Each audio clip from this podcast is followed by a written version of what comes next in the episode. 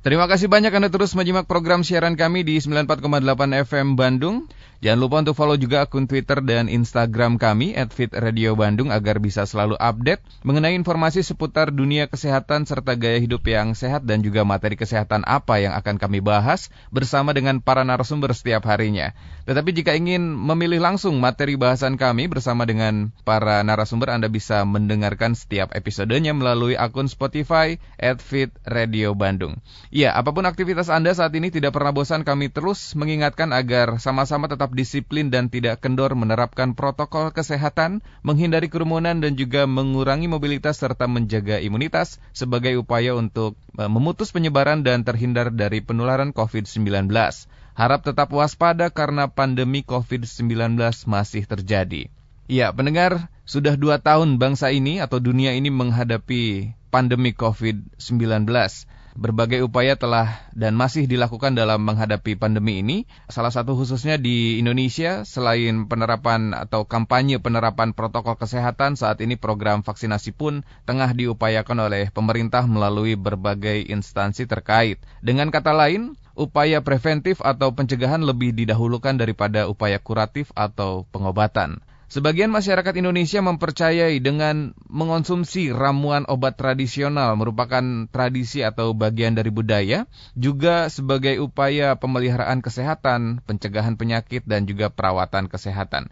Dan untuk menyingkapi penggunaan obat tradisional serta seperti apa pedoman penggunaan obat herbal di masa pandemi COVID-19 saat ini, kami akan berbincang bersama Ibu Dita Andri Deswati, MSI APT MSC, beliau selaku dosen farmasi Universitas Al-Ghifari Bandung yang sudah terhubung bersama kami melalui sambungan telepon. Apa kabar? Ibu Dita sehat, Bu? Alhamdulillah, Kak. Alhamdulillah. Sehat. Bu, untuk pembelajaran tatap muka khususnya di Universitas Al-Ghifari apakah memang akan dilakukan dalam waktu dekat atau memang kebijakannya masih akan dilakukan secara daring di semester berikutnya nih, Bu, khususnya? Hmm, ini kita lagi godok terus ya. Hmm. Kemungkinan ini ya eh, ada daring juga, ada Hmm. offline juga, terutama praktikum itu. Praktikum baik. itu kemungkinan luring, tapi tetap dengan protokol kesehatan ketat Mhm. ya. Mhm. Itu kita lagi godok karena kapasitas lab itu juga akan berpengaruh ya nanti terhadap Mhm. jadwal praktikumnya. Siap. Semoga menggodoknya sampai mendidih ya Bu ya, biar matang ya Bu. Ibu Dita, terima kasih banyak sudah berkenan untuk bergabung bersama kami hari ini Bu. Di masa pandemi COVID-19 saat ini memang banyak sekali usaha-usaha yang dilakukan agar kita tetap uh, fit, bugar, sehat begitu ya. Agar tetap bisa terhindar dari penularan COVID-19. Eh, salah satu usaha untuk mempercepat penyembuhan Bu, apalagi di saat kondisi sakit ini banyak juga selain penggunaan obat begitu, namun juga ada cara tradisional. Dan di masyarakat banyak sekali se- istilah seperti obat tradisional, herbal, ekstrak dan mungkin masih ada lagi yang lainnya. Dan untuk mengawali, apakah istilah-istilah obat tradisional ini berbeda begitu Bu? Atau seperti apa penjelasannya? Oke ya, Mhm. sedikit ya ini kita jelaskan dulu ini. Siap.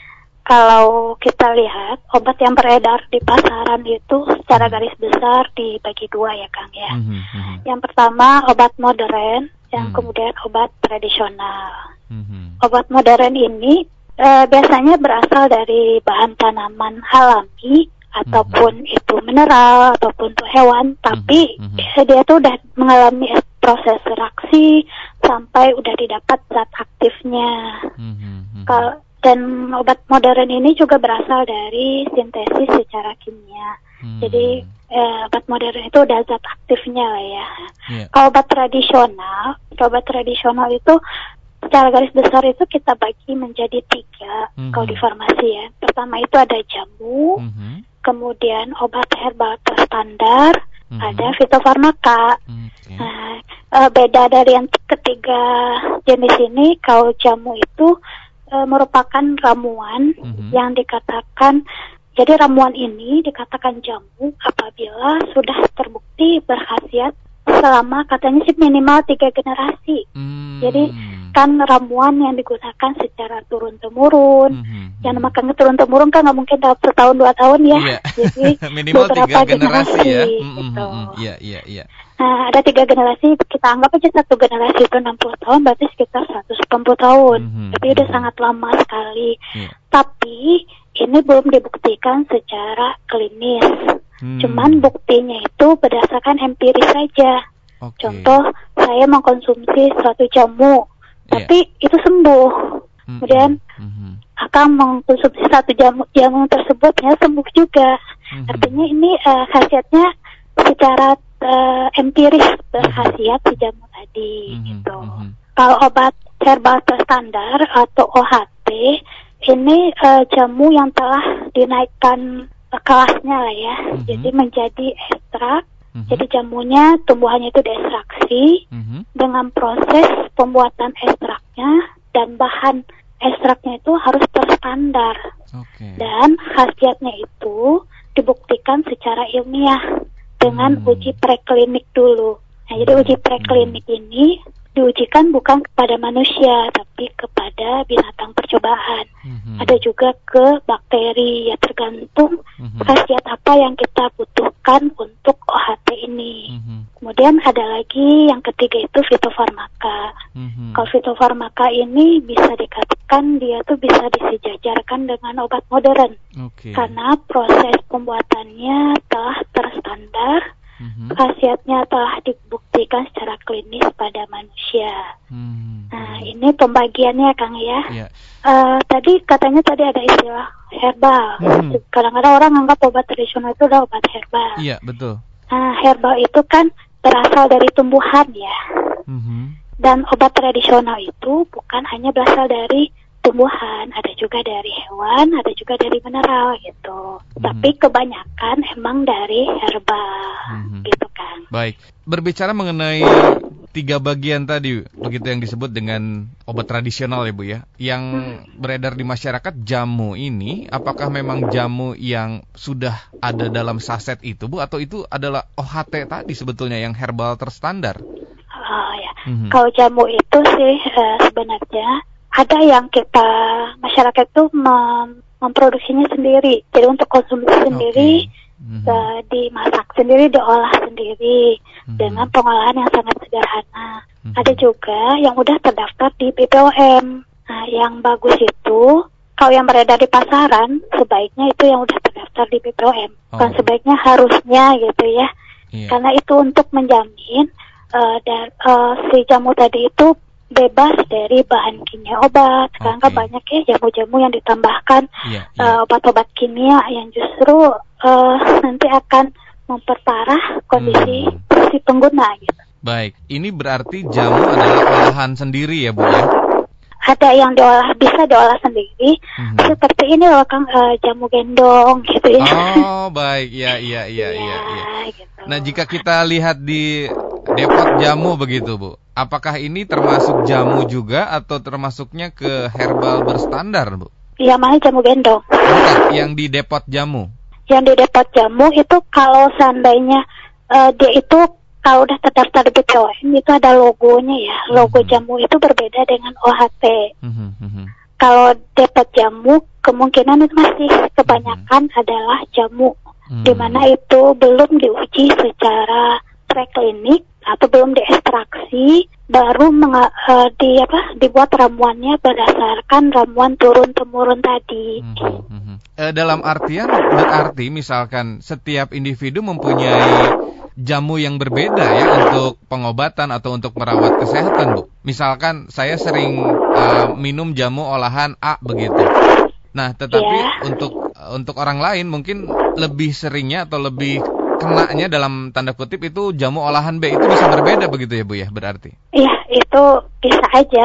Apalagi sekarang setiap Indonesia itu kan ada banyak sekali provinsinya ya, Mm-mm. banyak sekali Iya. suku-sukunya. Iya, Pasti punya pola pengobatan yang dari nenek moyang mereka iya, eh, ramuannya berbeda-beda gitu. iya, iya. Dan itu tergantung nanti bagaimana individu menyikapi atau eh, mengkonsumsi jamu tersebut. gitu. Hmm, hmm, hmm. Baik, ini di zaman now begitu ya. Sebetulnya apakah obat tradisional ini menjadi pilihan juga selain adanya obat-obatan yang modern tadi sempat Ibu sampaikan atau memang Hmm. mempunyai fungsi yang berbeda begitu, Bu? Eh, kalau kita lihat tadi CDM fitofarmaka itu emang udah di apa ya udah di, bisa disejajarkan khasiatnya dengan obat modern. Berarti Hmm. ini udah bisa digunakan untuk ke pengobatan suatu penyakit gitu. Mhm. Tapi kalaupun Mhm. obat tradisional seperti jamu, OHT itu hanya sebatas mungkin sebagai tindakan preventif saja, Mhm, mhm. kemudian promotif mungkin untuk pemulihan kesehatan. Hmm. Baik, jika berbicara mengenai obat-obatan modern begitu, bukan biasanya memang ada resep yang dituliskan begitu ya, atau harus digunakan menggunakan resep aturan begitu. Dan apakah di Iya, eh, obat tradisional juga ada hal semacam ini, Bu? ada. Hmm. Jadi eh, kita sekarang kita bahas tentang jamu yang udah terdaftar ya Kang ya, biar Siap. lebih enak ngobrolnya. Mhm, Jadi obat tradisional yang aman itu mhm, ya bisa dikatakan obat tradisional itu aman, Mhm. tapi pasti ada efek samping baik itu ringan maupun berat gitu ya. hmm. Kemudian bagaimana sih eh, obat tradisional itu cara mengkonsumsi biar aman gitu kayaknya Iya, Kang ya? iya betul, betul. Nah, pertama kita eh, lihat dulu nih, eh, gunakan jamu yang udah terdaftar atau obat tradisional yang udah terdaftar. Mhm, Jadi nanti dilihat kan ada ya BPOM-nya atau mhm, eh, barcode sekarang kalau di BPOM itu ada barcode-nya Hmm. bisa dicek atau di web BPOM sendiri itu kita bisa ngecek ini jamunya udah terdaftar atau belum. mhm, Kemudian baca aturan pakainya. hmm, Di sana pasti akan ada dua kali sehari atau tiga kali sehari gitu. mhm, mhm. Dan triknya satu lagi itu tanggal kadaluarsa itu juga akan pengaruh ya. Hmm, Kemudian nih yang nggak kalah eh, pentingnya iya, mhm, kita nggak boleh menggunakan jamu itu bersamaan dengan obat modern. hmm, Jadi harus ada jeda gitu kan. Oke, baik. Jadi tidak boleh disara- eh, disarankan tidak boleh digunakan secara bersamaan begitu ya, Bu ya. Ini ada aturan pakainya masing-masing begitu, Bu. Ya betul. Mhm. Jadi ketika obat tradisional kemudian kita juga eh eh, di saat itu juga harus mengkonsumsi obat modern, Mhm, eh, kemungkinan yang terjadi itu bisa saja obat tradisional itu menghambat efek dari obat modern Mhm, mhm. atau justru melipat gandakan efek dari obat modern ini. Oke. Nah, gitu. Baik, di obat modern ada peringatan ya. Ini memang harus dipakai sesuai dengan resep atau dengan aturan yang berlaku. Kemudian efek yang paling fatal yang bisa terjadi selain resistensi begitu, terus juga ada over overdosis yang digunakan. Nah, apakah di obat tradisional juga ada efek samping semacam ini, Bu? Oh, eh, ada, Ada ya? ada. Oke. Aha. Dan lagian kalau kita mengkonsumsi obat tradisional itu juga harus kita perhatikan Mhm. di untuk seperti penderita penyakit hati dan ginjal. Kita harus Hmm, Oke. di warning itu jangan sembarangan mengkonsumsi obat tradisional. Oke. Kemudian ibu hamil dan menyusui. Makanya Hmm. ketika mengkon- mau mengkonsumsi obat tradisional maka lihat dulu apa kandungan dari obat tersebut. Mhm. Makanya memang dibutuhkan pengetahuan juga ya eh, Mhm. dan konsultasi kepada yang lebih Mhm. paham. Mhm. Baik Bu, ditahan dulu kita undang dulu pendengar yang ingin bertanya atau mempunyai keluhan. Silahkan bisa kirimkan pertanyaannya atau komentar Anda melalui SMS ataupun juga WhatsApp kami di nomor 0811 2102 948. Kami ulangi nomornya di 0811 2102 948 ataupun juga bisa mention atau DM kami melalui akun media sosial Twitter @fitradiobandung. Baik, Ibu Dita kita lanjutkan. Apa yang harus diperhatikan tadi dari obat tradisional ini selain mempunyai yang mempunyai komorbid atau kondisi hamil atau eh, seperti apa, Bu? Oh, bagaimana kita memilihnya gitu ya kak ya? Mhm, mhm, Iya. Ah, ya. Eh, tapi eh, gini, sebelumnya kita juga harus memahami ya. Mhm, Dari ketiga obat tradisional tadi kan ada jamu, Hmm. OHT, fitofarmaka.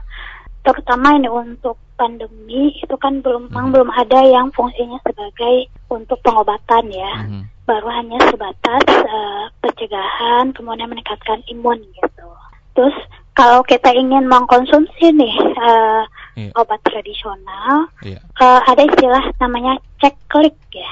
Cek Cek klik klik. ya. Mhm, Ya, cek klik itu mhm, eh, cek kemasan, mhm, kemudian labelnya, izin edar dan kadaluarsa yang tadi saya sempat mhm, sampaikan. mhm, Kemasan itu kita pastikan kondisinya baik, tidak ber- berlubang, tidak sobek, tidak Mhm. karatan. Dan lain-lain atau bocor ya. Hmm. Kalau label atau penandaannya, baca informasi produk yang tertera pada labelnya dengan cermat. Mhm. Jadi nanti akan ada informasi di sana, oh ini tidak boleh untuk penderita penyakit hati, Hmm. tidak boleh untuk penderita penyakit ginjal, tidak boleh untuk ibu hamil. Di sana Mhm. lengkap semuanya. Kemudian dosisnya juga ada di sana. Mulai efek samping yang mungkin muncul juga ada di sana buat jaga-jaga ya. Kemudian cek juga izin edarnya. Ka- Karena pastikan produk itu memiliki izin edar dari BPOM. Mhm. Ya, izin edar ini bisa dicek di aplikasi Android ya. Kalau nggak salah itu ada cek BPOM, bisa ada barcode-nya. Dan kita harus memperhatikan waktu kadaluarsa juga. Atau bisa aja sih kadaluarsanya masih jauh, tapi kenyataan mungkin penyimpanan di Mhm. toko obat atau di apoteknya kurang bagus atau kena mat apa mungkin dalam eh, transportasinya juga kurang terjaga akhirnya ada perubahan warna dan bau itu Hmm. sebaiknya jangan dikonsumsi Hmm, baik. Jadi yang paling utama itu tadi eh, Ibu Dita sempat sampaikan bisa menggunakan cek klik begitu ya. iya Kemasan, label label, izin edar izin edar dan dan kadaluarsa kadaluarsa. Baik, kemasan, label, izin edar dan kadaluarsa. Nah, Ibu Dita di masa pandemi COVID-19 seperti yang kita alami saat ini, seperti apa em, klaim dari obat-obatan tradisional ini, Bu? oh iya klaim untuk obat tradisional Mhm.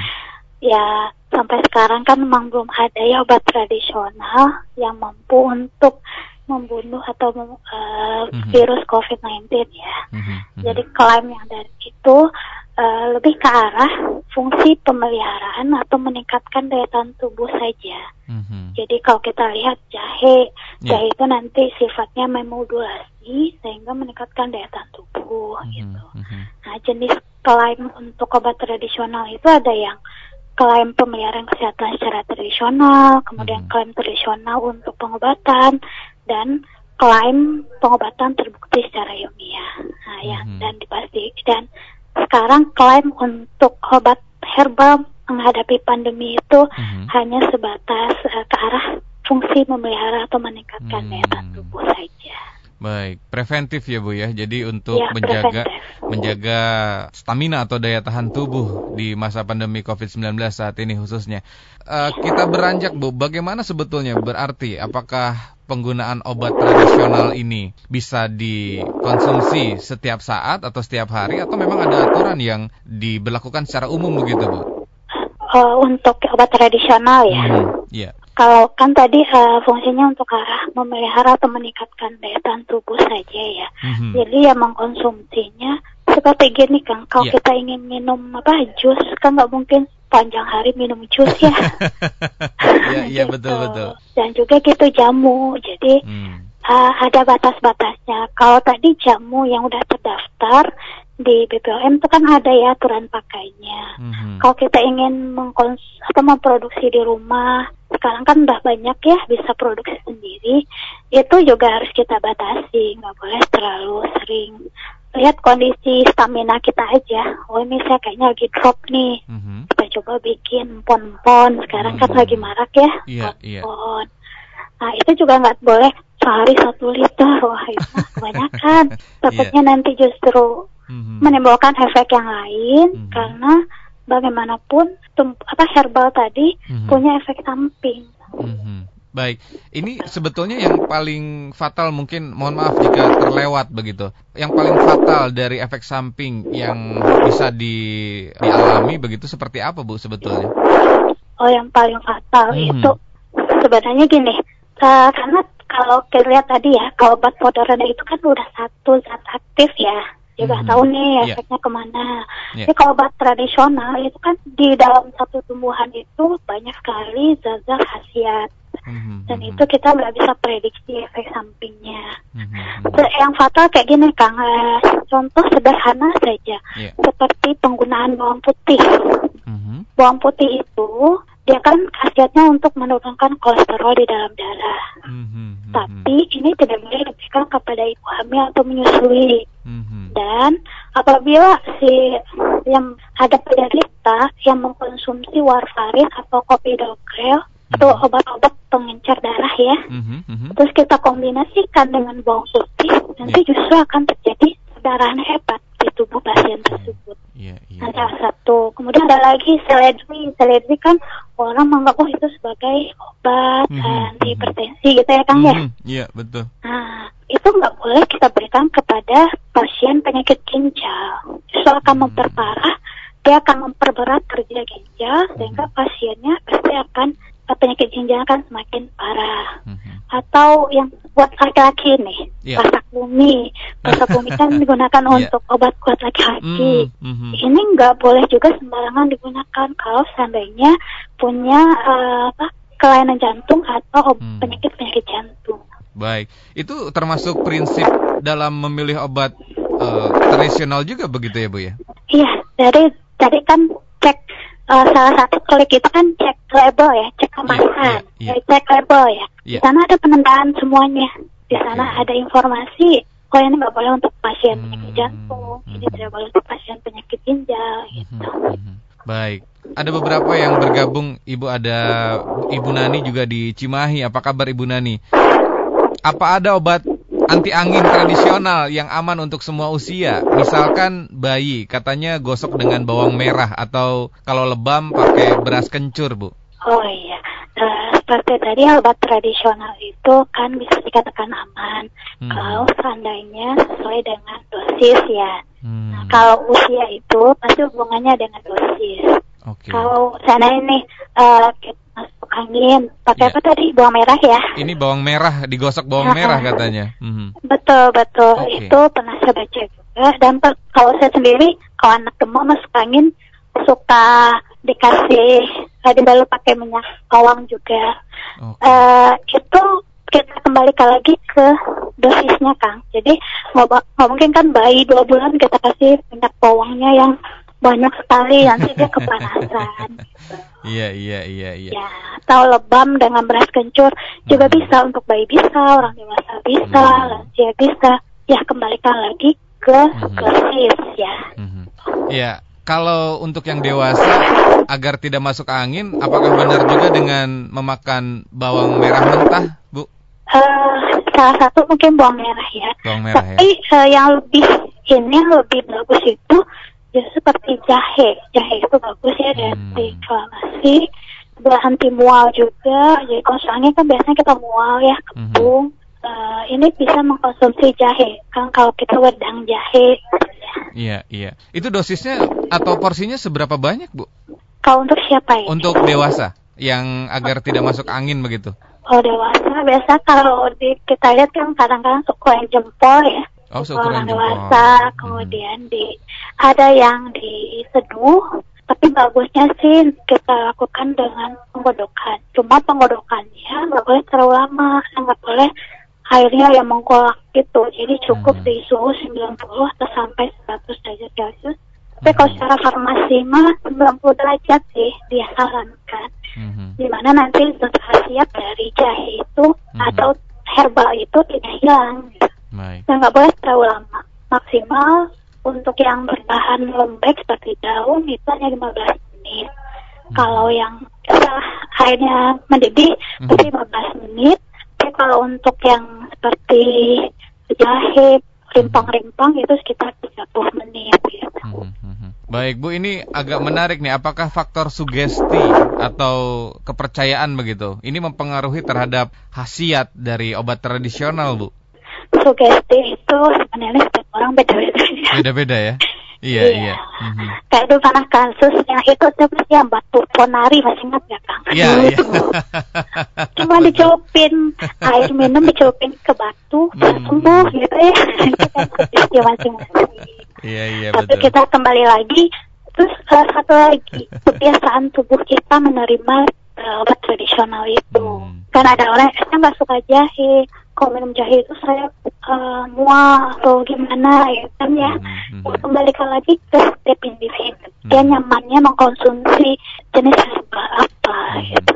Mhm. Iya, baik. Tadi menyinggung soal batu ponari ini masuknya ke tradisional mungkin ya Bu ya? mistis kayaknya oh, ke mistis. baik, baik. Terima kasih tanggapannya untuk Ibu Nani di Cimahi. Kemudian ada Bapak Willy di Sukajadi. Apa kabar Pak Willy? Bagaimana kalau penggunaan obat kimia digabungkan dengan penggunaan obat herbal, Bu? Oh iya, mm -hmm. tadi uh, sempat kita bahas sedikit ya. Yeah. Uh, jadi ketika digabung itu kan obat kimia itu punya khasiat ya, mm -hmm. obat tradisional juga punya. Nanti kalau di kita misalnya terjadi interaksi obat. Hmm. Dari interaksi obat itu ada efeknya yang menghambat efek? Efek uh, efektivitas dari obat tersebut mm -hmm. gitu ya. Jadi mm -hmm. ada obat tradisional contohnya ini. Tadi contohnya bawang putih tadi loh. Yeah. Bawang putih. Ada pasien kolesterol tinggi nih. Mm -hmm. Kemudian dia mendapat pengobatan menggunakan kopi do Copidogrel, mm -hmm. nah, satu obat pengencer darah ya. Mm -hmm. Nah, terus dia juga mengkonsumsi kapsul bawang putih. Mm -hmm. Itu kita nggak boleh memberikan bersamaan atau uh, ya bersamaan karena mm-hmm. si clopidogrel itu efeknya mengencerkan darah, mm-hmm. bawang putih pun mengencerkan darah, justru mm. akan menyebabkan perdarahan yang hebat. Oke. Okay. Nah, yeah, yeah. Kemudian ada juga obat tradisional itu dia menghambat justru efek dari obat modern ini. Hmm. Contohnya apa ya? Uh, kalau saya kalau dari makanan, jadi contohnya saya menanalogikan makanan. Yeah kita ingin nih minum lagi minum obat untuk uh, apa sih buat tidur itu hipnotik ya mm -hmm. kalau kita mm -hmm. dia, dia orangnya itu uh, insomnia mm -hmm. kemudian ke dokter dikasihlah obat tidur mm -hmm.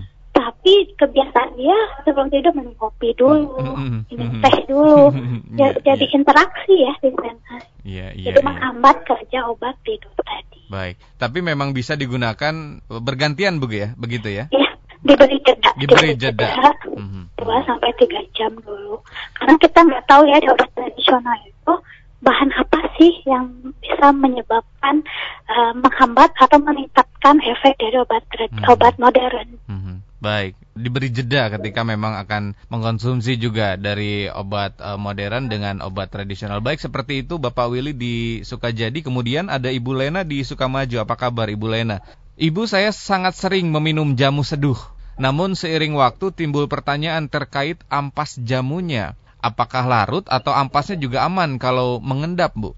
Oh iya, hmm. jamu seduh itu yang uh, serbuk ya. Iya, iya. Nah, biasa kalau kita mengkonsumsi jamu seduh itu kan emang kita endapkan dulu ya si oh, apa okay. si ampasnya, ampasnya gitu, ya? jangan ikut hmm. diminum gitu. Iya iya iya. Jadi ya, ampasnya diendapkan dulu ya Bu ya sebelum diminum ya? Iya, bagusnya seperti itu. Baik. Jadi kalau kalau langsung dikocek begitu, langsung diseduh, terus langsung diminum, ini kurang kurang disarankan begitu, Bu? Uh, kalau saya sih kurang disarankan. Hmm. Terus mm, pengawir rasa juga ya, kalau banyak ampas itu uh, seperti apa ya kita hmm, iya, minumnya iya, iya, kayak minum kopi aja ampasnya terlalu banyak ada rasa hmm, pahitnya hmm. ada rasa apanya gitu hmm. jadi baiknya nah. ketika diseduh didiamkan dulu agar ampasnya mengendap begitu ya bu ya iya sebaiknya seperti itu baik Terima kasih Ibu. Kemudian ada Bapak Farid di Suci juga. Ibu, maaf efek samping kalau kita konsumsi jamu terlalu sering itu seperti apa? Karena kadang saya suka seduh dua saset biar cepat dapat reaksinya. Dan kalau yang digunakan tanpa diminum apakah aman? Misalkan masker tradisional. Oh baik, ini bisa ditanggapi mungkin Bu? Oke, ya. Uh, kembali lagi kan obat tradisional terutama jamu dia kan hmm. efeknya hanya preventif ya mencegah. Yeah. Jadi tidak akan memberikan efek yang terlalu cepat gitu. Okay. Nah, kita justru harus hati-hati kalau minum obat tradisional terus efeknya cepat kayak minum obat pegelinu nih. Mm -mm, terus mm -hmm. ih kok sekali minum langsung hilang nih pegel pegel pegel badannya. Mm -hmm. Kita harus harus khawatir harus uh, apa ya kuat takut jangan-jangan di dalam jamu itu mengandung bahan kimia obat. Contohnya kalau di pegalino itu biasa ditambahkan paracetamol, hmm. phenylbutazone, atau dexamethasone itu yang efeknya itu nanti bisa menyebabkan uh, osteoporosis gitu ya. Hmm, hmm, hmm. Atau obat pelangsing nih, pelangsing. Iya. Pengen langsing. Iya, Terus iya. cepet banget tuh perubahan. Oh iya dia dalam seminggu udah mau turun berapa kilo. Hmm, hmm. Kita takut di dalam obat jamu, jamu pelangsing itu mengandung sibutramin namanya. Hmm. Sibutramin ini dia akan berpengaruh pada jantung. Ya, Baik. Nah, jika yang tidak diminum, misalkan masker tradisional ini seperti apa, Bu? Apakah sama juga fungsinya sebetulnya dengan masker-masker yang beredar sekarang? maskernya maksudnya masker apa nih kayak masker buat muka atau Iya, ma- masker ini apa? Bengkoang begitu ya. buat ini ya kan masker saya harus berpikir dua kali masker Iya. jangan-jangan masker buat nutupin hidung dan mulut. Gitu ya, ini buat apa? eh, istilahnya ma- masker-masker yang untuk perawatan kulit muka begitu. Eh, kulit muka. Eh, ya saya sekarang tuh banyak juga masker-masker yang berasal dari ada dari temulawak ya. Ada yang Mhm, dari mhm. kunyit. Eh, tapi nanti malah mukanya jadi kuning ya. Eh, kosmetik juga sekarang banyak yang mengandung bahan-bahan tradisional ya kita kembali lagi kalau seandainya itu kita dapat di pasaran dan berbentuk eh, kemasan itu tetap kita harus baca dulu Oke. kita cek dulu yang klik tadi Mhm, untuk mhm, memastikan masker itu aman enggak gitu. mhm. Baik. Kalau kosmetik saya agak saya agak apa ya agak selektif ya. Iya. Masker kayak gitu saya cobain dulu di tangan. Kalau nggak gatal-gatal lanjutkan. Tapi kalau gatal tuh saya khawatir ada bahan-bahan kimia yang ditambahkan di sana. Iya, memang berarti ada kekhawatiran iritasi juga ya Bu ya, meskipun ini Iya, tradisional betul. ya Bu ya. Iya betul. Baik. Karena seka- orang Indonesia itu kreatif-kreatif ya. Betul sekali. Baik, terima kasih Bapak Farid di Suci, kemudian ada juga Bapak Ade di Sukagali. Ciri khusus jamu berizin BPOM seperti apa ya Bu dan bisa didapat di mana? Serta apa biasanya fungsi tambahan madu telur pada saat kita konsumsi jamu atau obat tradisional ini seperti apa? Terima kasih. Oh iya, kalau obat eh, yang udah izin BPOM tuh biasanya ada apa ya, seperti izin BPOM nomor berapa ada di kemasannya ada. Hmm. Silakan aja dicek. Tapi kan karena saking kreatifnya orang Indonesia itu pakai nomor-nomor palsu ya. Oh, baik. Tercatat Aha. sih ada begitu ya di kemasan ada ya. Ada. Oke. Nah, tinggal kita eh, sekarang itu kan sistem barcode ya. Jadi Oh. sekarang Android ada yang bisa meng- eh, ngelacak gitu. Oke. Oh ini terdaftar atau enggak? Baik, baik. Nah, gitu. Itu satu. Ada ada lagi Bu ciri khususnya Bu, yang mungkin ini susah untuk dipalsukan. Hmm, ciri khusus izin izin edar aja sih. Izin edar saya. ya. Baik. Iya. Baik. Nah, seperti apa tadi tambahan misalkan telur dan madu saat mengonsumsi jamu atau obat tradisional, Bu? Ah, ya. Itu mah biasanya aja itu untuk jamu-jamu stamina ya. Oke. Ah, itu kayak madu itu kan sebenarnya madu itu ada peman apa sumber energi di sana. Mhm. Telur juga ada protein di sana yang bagus buat stamina. Biasanya kan Oke. jamu kuat laki-laki yang ditambahkan seperti madu dan telur gitu. Apalagi telurnya telur bebek gitu. Nah, baik. Karena kandungan protein sama energi sumber energi yang diharapkan di sana. Mhm. Telurnya satu aja ya, Bu ya. Nggak pakai cengek ya. Baik, jadi memang ada khasiat tambahan begitu ya, Bu ya. Ini untuk Iya betul. jamu yang memang untuk stamina atau daya tahan tubuh. Baik, terima kasih Bapak Ade di Sukagali. Kemudian satu lagi ya Bu ya, nggak apa-apa ya? Masih ada nih. Ada Ibu Santi di Sulanjana. Seperti apa fungsi atau peran obat herbal dalam penanganan pasien COVID-19? Apakah saat ini masih digunakan? Mungkin bisa ditanggapi Bu. Iya, eh, untuk pandemi sekarang obat tradisional itu eh, hanya sebatas untuk si- meningkatkan sistem imun ya. Mhm, Jadi mhm. ketika kita mengkonsumsi obat tradisional Iya. itu otomatis meningkatkan sistem imun. Di sistem imun ini ketika tubuh kita terpapar virus, bakteri, Mhm. nah itu sistem imun itu akan memodulasi atau membunuh, melawan Hmm. Virus atau bakteri yang masuk tadi. Baik, jadi memang ini bisa digunakan untuk pasien juga ya, untuk kembali eh, bugar begitu kembali sehat Bu sebetulnya ya. Iya, betul betul. Baik, terima kasih Ibu untuk waktunya. Kemudian terakhir sebagai closing statement, eh, apa yang bisa diberikan kepada kami mengenai materi bahasan kita hari ini Bu? Ya, jadi mengkonsumsi herbal itu sih sebenarnya tidak serta merta bisa melawan atau membunuh virus, bakteri, kuman, penyebab penyakit. Hmm. Kemudian perlu kita terapkan pola hidup sehat, istirahat cukup, makanan bergizi, mengkonsumsi makanan bergizi, hmm aktivitas fisik dan olahraga.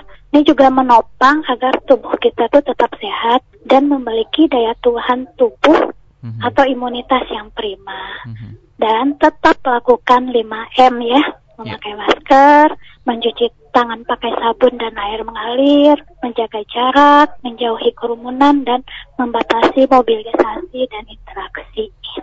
Baik, terima kasih banyak Ibu Dita atas waktunya dan bersedia bergabung bersama kami. Semoga di lain waktu bisa berkenan untuk mengedukasi kembali ya Bu ya. Iya.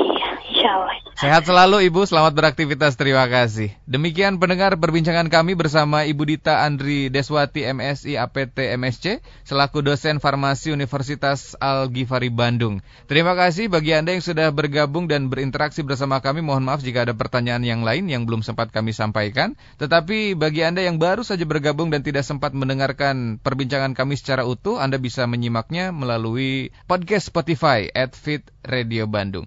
Terima kasih, tetap fit, tetap sehat, tetap semangat fit listeners, and stay fit for life.